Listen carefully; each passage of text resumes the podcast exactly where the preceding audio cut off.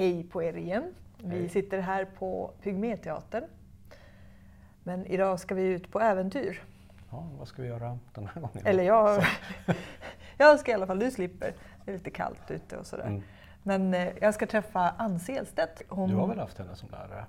Vet du? Ja. Jag, nu Nej, träffade så- jag ju faktiskt henne igår på Danskompaniet och vi satt i danssalen så inser jag att, vänta nu, här i salen bredvid träffade jag Ann för första gången, året Mm. var 2005. Eh, Jag minns när, eh, eh, för någon gång för länge sedan när vi hade lärt känna varandra så, så mm, pratade du om Anns dans med den här absoluta närvaron, att hon var så fysiskt närvarande på så... Otroligt bra. Alltså, jag, jag har minnen av hennes, av hennes fingrar. Alltså att ba, ba, bara, det, bara det liksom räckte hennes eh, sånt här. Ex, extremt bra. Extremt. Ja. Nej. Så att det ska bli extra kul och för dig sen att lyssna på vad vi pratade Ja, om. det ska det, det ska bli. Jag bad henne att berätta lite grann om henne, liksom hennes tidslinje som, eh, som artist och sådär. Mm. Ja, men eh, ska vi, du får hänga med ut till Ja, tack. Danskompaniet. Ja, jättefint. Ann? Ann Selstedt.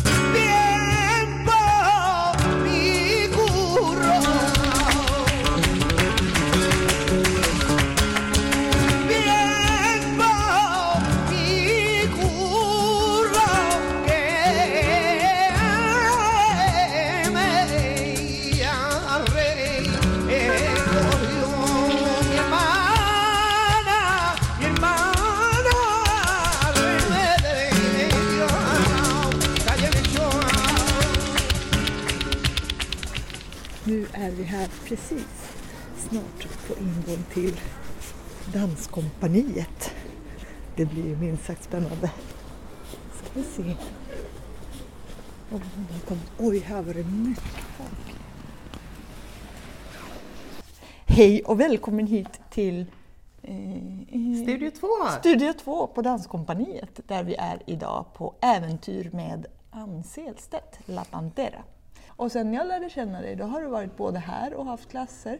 Sen har du varit i Malmö och bott där ett tag och haft också klasser där. Och sen så har du varit i Göteborg som din kanske mer eller mindre bas nu de eh, senaste åren kan man säga. Vad skulle du kunna berätta om Joaquín Cortés?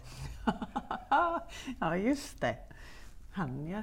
Jag ska berätta om honom. Ja, vad, vad, har, liksom, vad är det första som dyker upp när du hör Joaquín Cortés? Eh, det första som dyker upp är väl att det faktiskt blev en avgörande faktor till att jag satsade på flamenco eftersom jag eh, 20... När var det här nu då? 97 var det. Som jag som 17-åring blev uppringd faktiskt härifrån Stockholm. Då bodde jag ju i Jönköping. Eh, och älskade flamenco redan. Dansade för min fantastiska fröken Katarina Hyttinen. Men så fick jag ett samtal från Stockholm om att det fanns ett EU-projekt som handlade om ja, men, eh, the Eu- European Union Against Racism.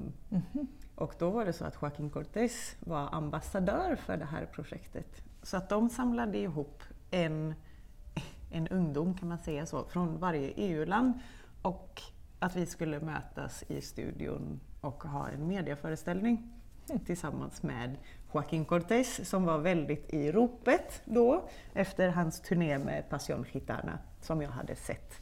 Och eh, den var ju mm, revolutionerande på många sätt med att den var väldigt tuff med, med bar överkropp och han kom in med kjol och det var levande ljus och det var väldigt rockigt så det var liksom som en, en rockkonsert på många sätt.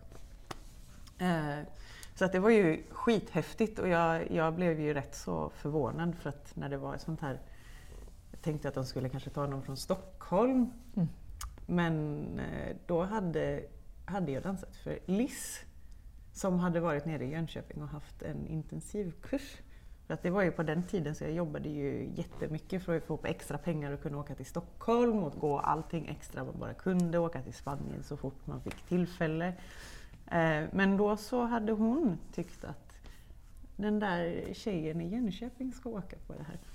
Och Liz Så- Rasmussen alltså. Liss Rasmussen var hon som ringde eh, för det här. Och, eh, Så att Joaquin Cortés för mig även, alltså han har ju gjort mycket eh, då just med Passion Gitana med att han fick väldigt många och, alltså utanför flamencokretsar att uppmärksamma och se med att ja, men det var Armani-kläder och Armani designade kostym till den föreställningen och han var tillsammans med Naomi Campbell. Och det blev liksom ett sånt här, en hype utanför flamencosfären.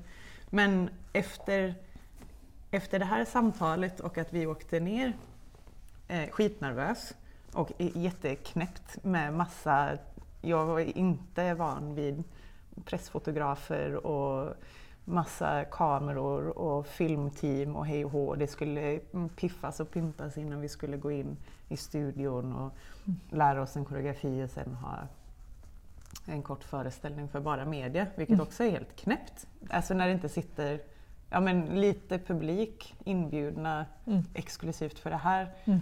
Men, ehm, men det var helt klart det som fick mig att ta steget att det här, jag kanske är bra på det här, det här kanske är min grej. Och satsa Mm. och fortsätta, fortsätta vidare. Så det Mm. var liksom ett av, avstamp. Så att för mig är det väldigt på ett personligt plan med Joaquin Cortés. Kanske mer än hans artisteri. Jag förstår. Jag visste faktiskt inte, han har ju dansat med i national, alltså spanska nationalballetten och det, så han var ju en väldigt bred dansare från grunden och, Mm. och ha- hade också klassisk grund i sin dans och det vet jag ju att du också har. Mm. både från förr och, och på senare tid. Eh, och det är ju väldigt, väldigt eh, häftigt för det. Ja, men vi kanske kan komma tillbaka till det, men jag tänkte att om det på något sätt var startskottet för din karriär, eller vad man ska säga, eller det som fick dig att börja. Skulle du kunna bara på, för eh, det kan, jag tror att det är flera som kanske känner till dig idag, men inte vet vad du har gjort tidigare eller så. Om du skulle kunna liksom, med några nedslag göra någon form av tidslinje över din karriär som flamencodansare.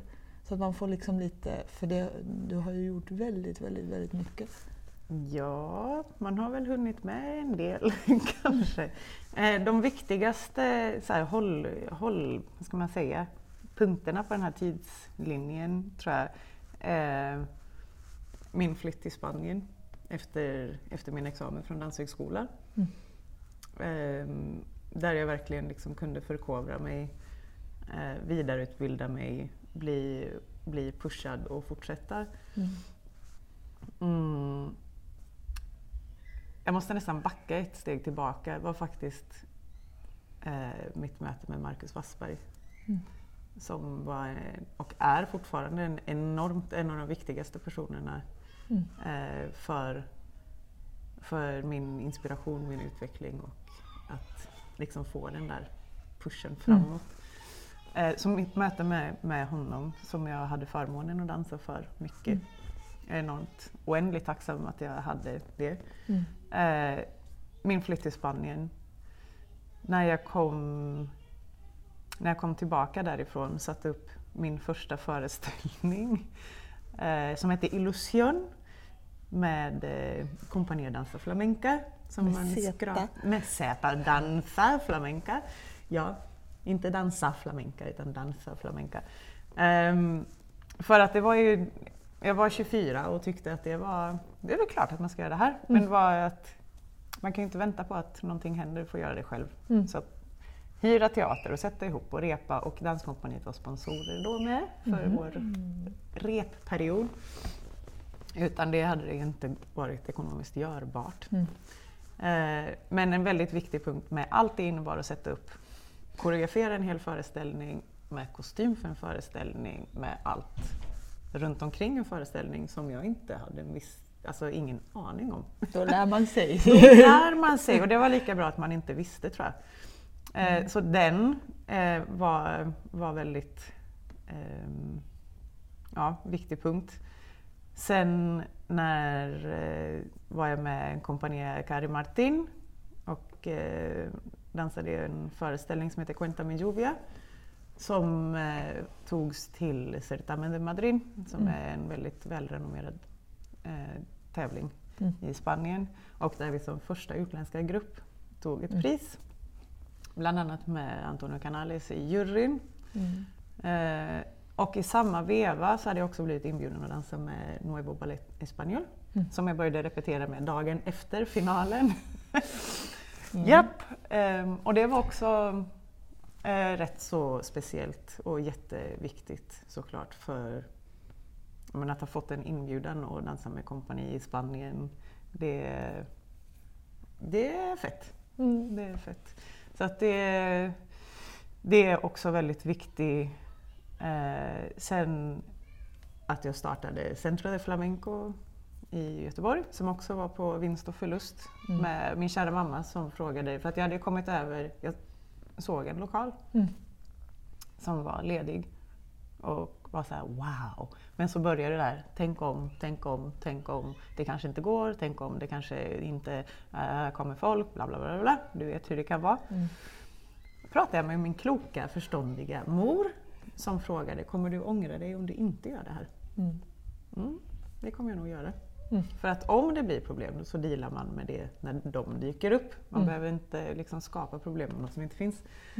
Sagt och gjort. Så, och det var också en väldig lärdom. Och det var jättebra att jag inte kunde någonting om renovering innan. För att jag hade aldrig gjort det. För att det var så sjukt mycket jobb att få i ordning det där stället. Så här, oj, akustik, oj, golv, oj, målarfärg, oj, vatten. De hade liksom mycket snickarglädje men ingen kunskap, de som hade varit där innan och tätat vattenrör med gaffatejp. Gaffa kan man ha till mycket men inte till det. Ehm, så att starten 2010 av Centro de Flamenco väldigt, väldigt viktig. Eh, sen mitt första samarbete tror jag på scen mm, i Sverige var med Marco Flores. Och då var det också eh, första gången jag skulle tillbaks på scen efter att ha opererat foten och haft ett års rehab. Så att det var liksom lite, lite press med att första, det första du gör på scen är med Marco av alla, alla människor man kan. Och det tror jag att just det klippet från den eh, föreställningen som gavs på Nefertiti i Göteborg, den finns det ju också Youtube-klipp till. Så vi kommer lägga till det i kommentarerna här på den här så ni kan få se den. För det är det. helt underbart. Och det var helt magiskt för att jag var där. Var Och det var... eh, Ja, det var Du har varit helt- med på mycket. Ja, ja. Eh, Så att det var också en sån här eh, fin punkt. Men sen så självklart när, eh, när Robban, Ro, Robert Svärd, som släppte sin första platta Mm. och att vi hade releasekonsert och nu senast också med en föreställning, en konsert som heter Tres Cuentos, Mm. tre berättelser som hade premiär på Uppsala internationella gitarrfestival. Mm. Och eh, det är också så här ett riktigt, att jobba med Nino Josele och Sandra Carrasco. Mm. Det är så otroligt stort. Mm. Så att det är liksom, det är de här, jag har pratat om massa sidospår också, men det är på något sätt de grejerna som Du har lite så här femårs eh, nedslag verkar det som. Eller vad man ska säga. Ja, men sådana viktiga. Ja. viktiga hållpunkter. Sen är det ju mycket som sker dess, alltså däremellan, men Mm. sådana liksom tydliga...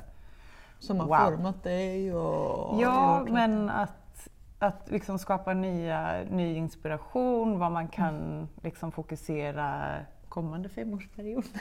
eh, men att hela tiden känna det här att, man vill, att jag vill fortsätta lära mig. Mm. För att det tycker jag är så enormt viktigt med, med det vi gör. Med att, att man vaknar och vill, känner att man vill fortsätta. Vill fortsätta med, ha, men vänta, hmm, vad, är-" och sen att kunna jobba med, med artister i den kalibern, det är klart att man, alltså, det är en enorm ära.